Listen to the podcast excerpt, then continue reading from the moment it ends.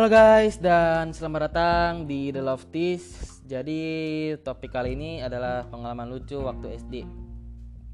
Ya jujur aja uh, gue kehabisan topik sih.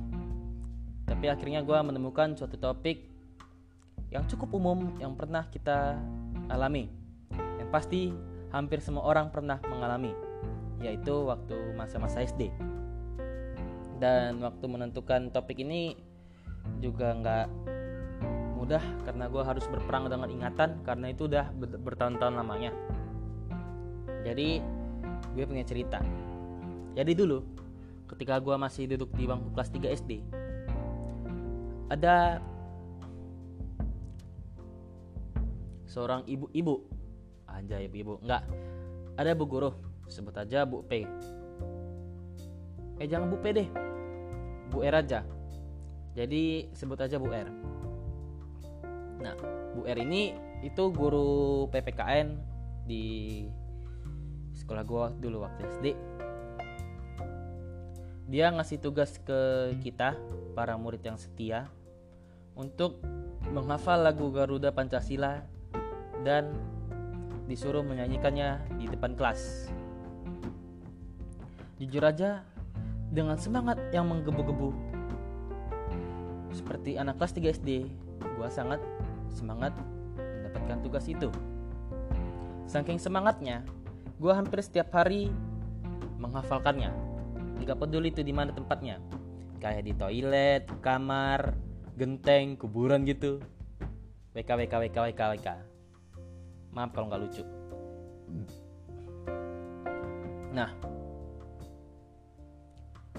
waktu itu Hamin satu Gue sedang berlatih dengan posisi tegak dan suara yang lantang. Dan tiba-tiba mak gue lewat dan mendengar gue nyanyi dan disuruh gue ngulangin. Akhirnya gue ngangguk dan gue ngulangin. Garuda Pancasila, akulah pendusulan, Patiot Potamaci. Gue disuruh stop sama gue coba ulangin lagi coba ulangin lagi. Kata mak gue gue ulangin lagi. Garuda Pancasila Akulah pendusulan Patriot kota mati. Dan Akhirnya mak gue Nyetop gue dan bilang Kamu salah nakku. Pendukungmu Bukan pendusulan. Lalu Patriot proklamasi bukan Patiot Potamasi. Nah, akhirnya dengan kritik yang diberikan mak gua, gua akhirnya mencoba untuk bernyanyi dengan lirik yang benar. Dan akhirnya ya hasilnya gimana ya? Oh iya hasilnya itu udah bisa tapi ya lumayan kacau gitu. WK WK WK jadi jujur aja ya uh, eh, gue tuh gak terlalu paham apa itu pendusulan. Eh, ya malah gue nggak ngerti apa itu pendusulan. Pendusulan tuh apa ya? Itu ada nggak sih kata di KBBI pendusulan? Soalnya waktu gue nyanyi waktu pertama kali itu pendusulan tuh apa ya? Nggak ngerti juga gue lalu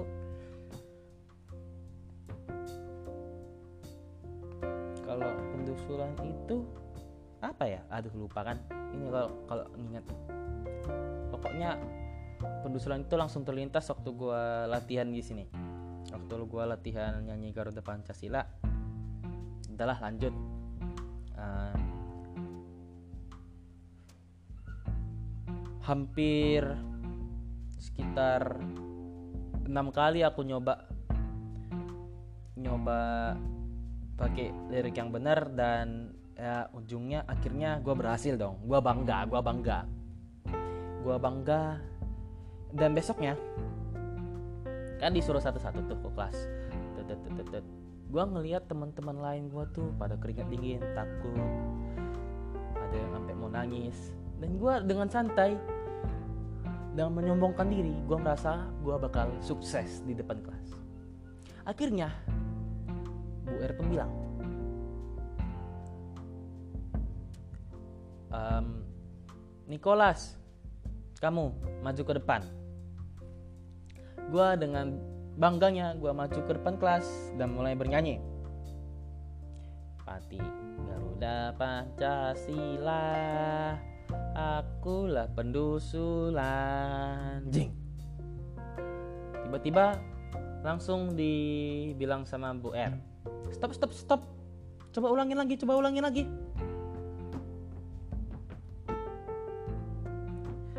Garuda Pancasila Akulah pendusulan Patriot Potamasi Akhirnya Sampai dua kali nyoba Akhirnya Ya guess what? Gue mendapatkan tawa yang keras Dari teman-teman gue yang dengar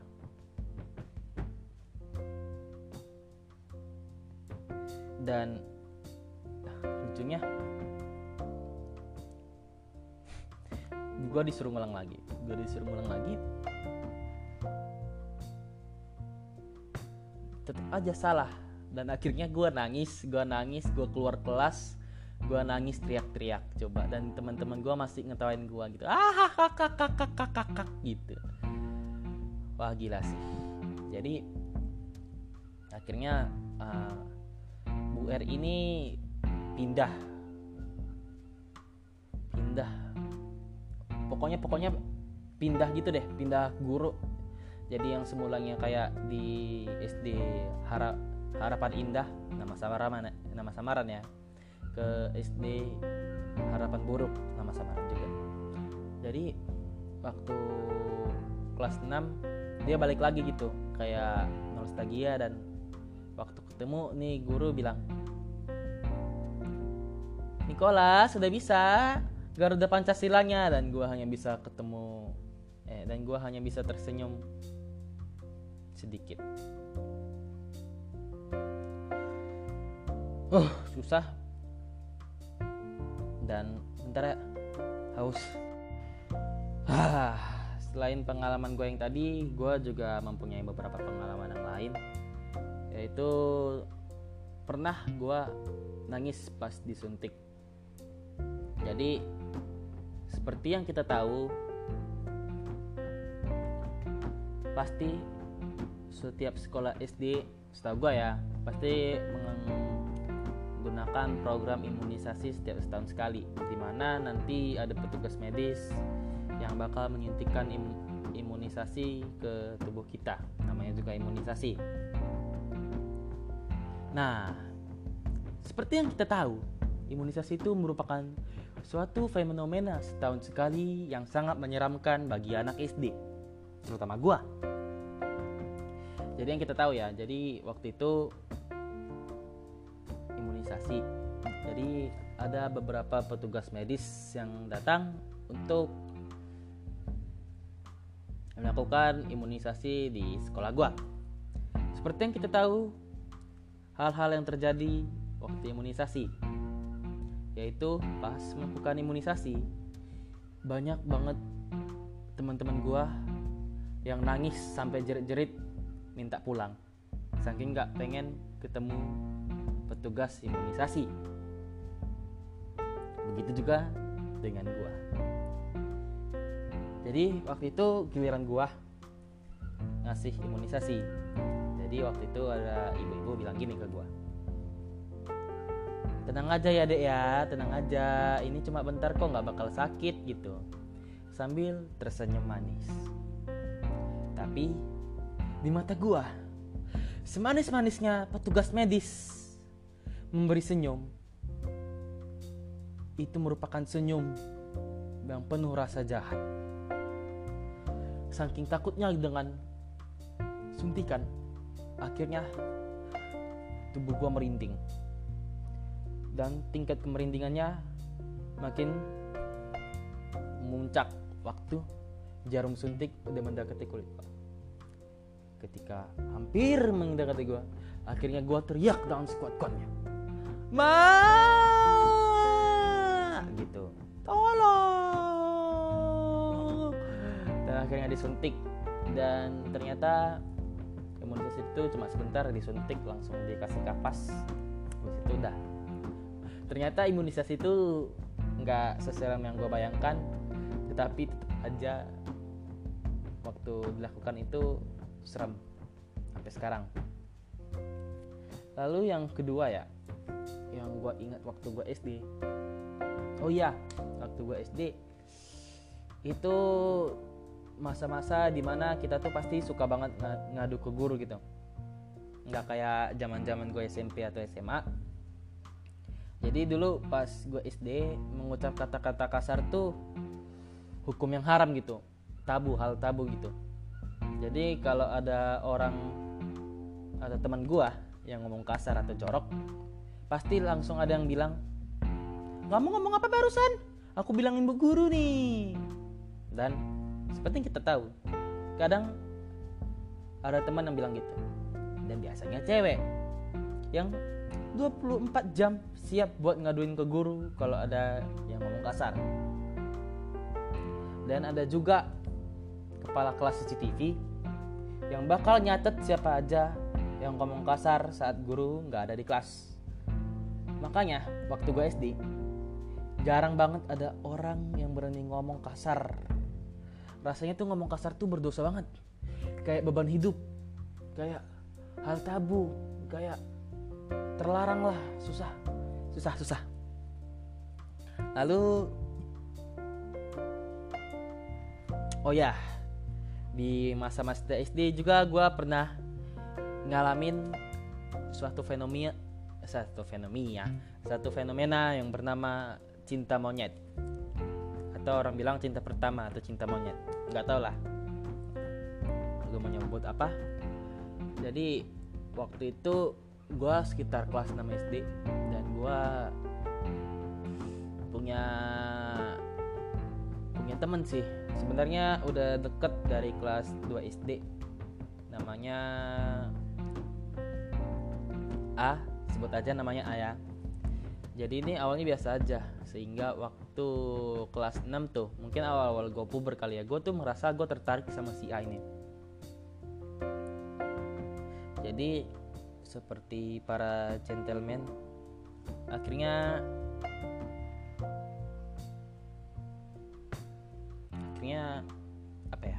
Oh iya akhirnya gue nulis surat cinta gue nulis surat cinta ke untuk ke A gue masukin tasnya. Sep. karena di zaman itu tuh belum ada aplikasi chat gitu ya di zaman gue SD dulu. Masih kebanyakan masih pakai pakai Nokia sih. Pakai Nokia pakai Sony Ericsson.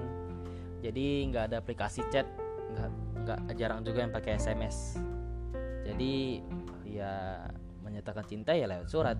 Ya, jadi gue kasih suratnya gue akan masukin aja ke tas gitu. Ke tas si A. Lucu ya kalau diingat-ingat mas cinta pertama di SD dan ya itu sih yang lumayan berkesan berkesan buat gue lalu oh yang paling khas nih yang paling khas. Yang paling khas dari anak SD ledek-ledekan sama orang tua. Jadi ledek-ledekan nama orang tua tuh terkenal. Gue nggak tahu terkenal sejak kapan tapi waktu gue SD tuh udah lumayan terkenal tuh ledek-ledekan orang tua. Jadi nanti ada teman-teman kampret nih teman-teman kampret bakal bilang eh pinjem raport lu dong. Gue mau bandingin nilai gue sama nilai lu. Jangan tertipu mereka nggak bakal ngeliat nilai lu. Mereka bakal ngeliat nama bokap atau nyokap lu. Jadi seakan-akan tuh raport itu jadi barang pribadi guys. Dari barang pribadi. Jadi kalau saran gue kalau ada temen yang mau minjem rapot lu jangan lu kasih oke? Okay? oke. Okay. nah biasa gini kalau yang udah pernah minjemin rapot pasti nama orang tuanya terbongkar dan jeng jeng jeng pasti jadi ledek-ledekan dong. Tapi ya gimana lagi? Udah membudaya kan? Jadi tips buat gua eh tips buat lu tips buat gua. Jagalah baik-baik buku rapot lu sehingga nggak diliatin teman-teman. Karena kesel aja gitu loh ketika yang lain tahu nama orang tua lu jadi dilek-lekin itu. Eh anaknya Anto eh anaknya Tommy gitu. Pasti lu kesel kan? Jadi supaya nama orang tua tidak terbongkar marilah kita menyimpan rapot dengan baik. Lalu yang paling gua kangenin dari masa SD wah gua kangen banget waktu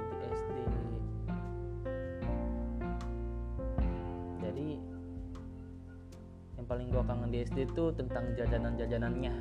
Yang kemungkinan besar nggak bakal kita lihat lagi di zaman sekarang ya. Kayak milidi. Milidi masih ada nggak sih? Milidi kue cubit kue apel. Masih ada nggak sih? Nggak tahu juga sih.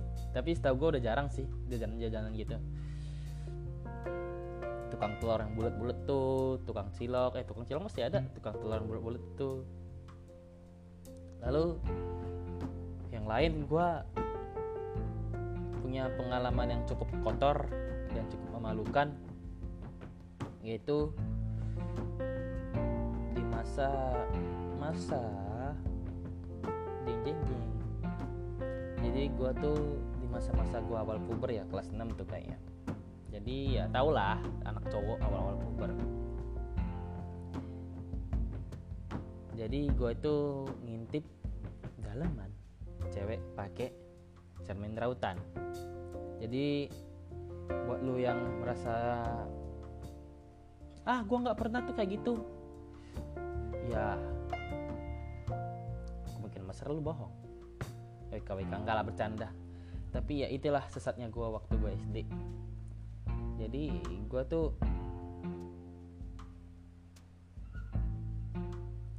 wah gila sih. Susah jelasinnya. Adalah lewatin aja.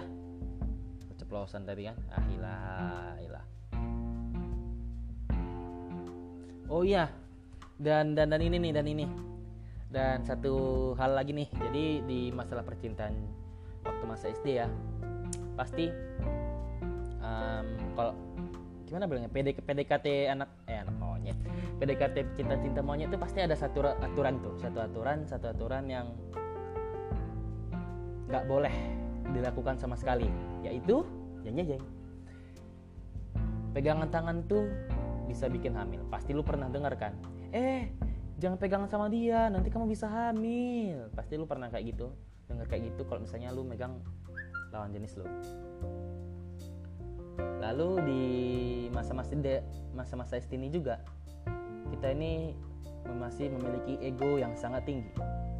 Nggak seperti SMA jadi di masa SD ini nih teman-teman gua itu tuh wih nggak bisa diajak bekerja sama dalam hal ulangan.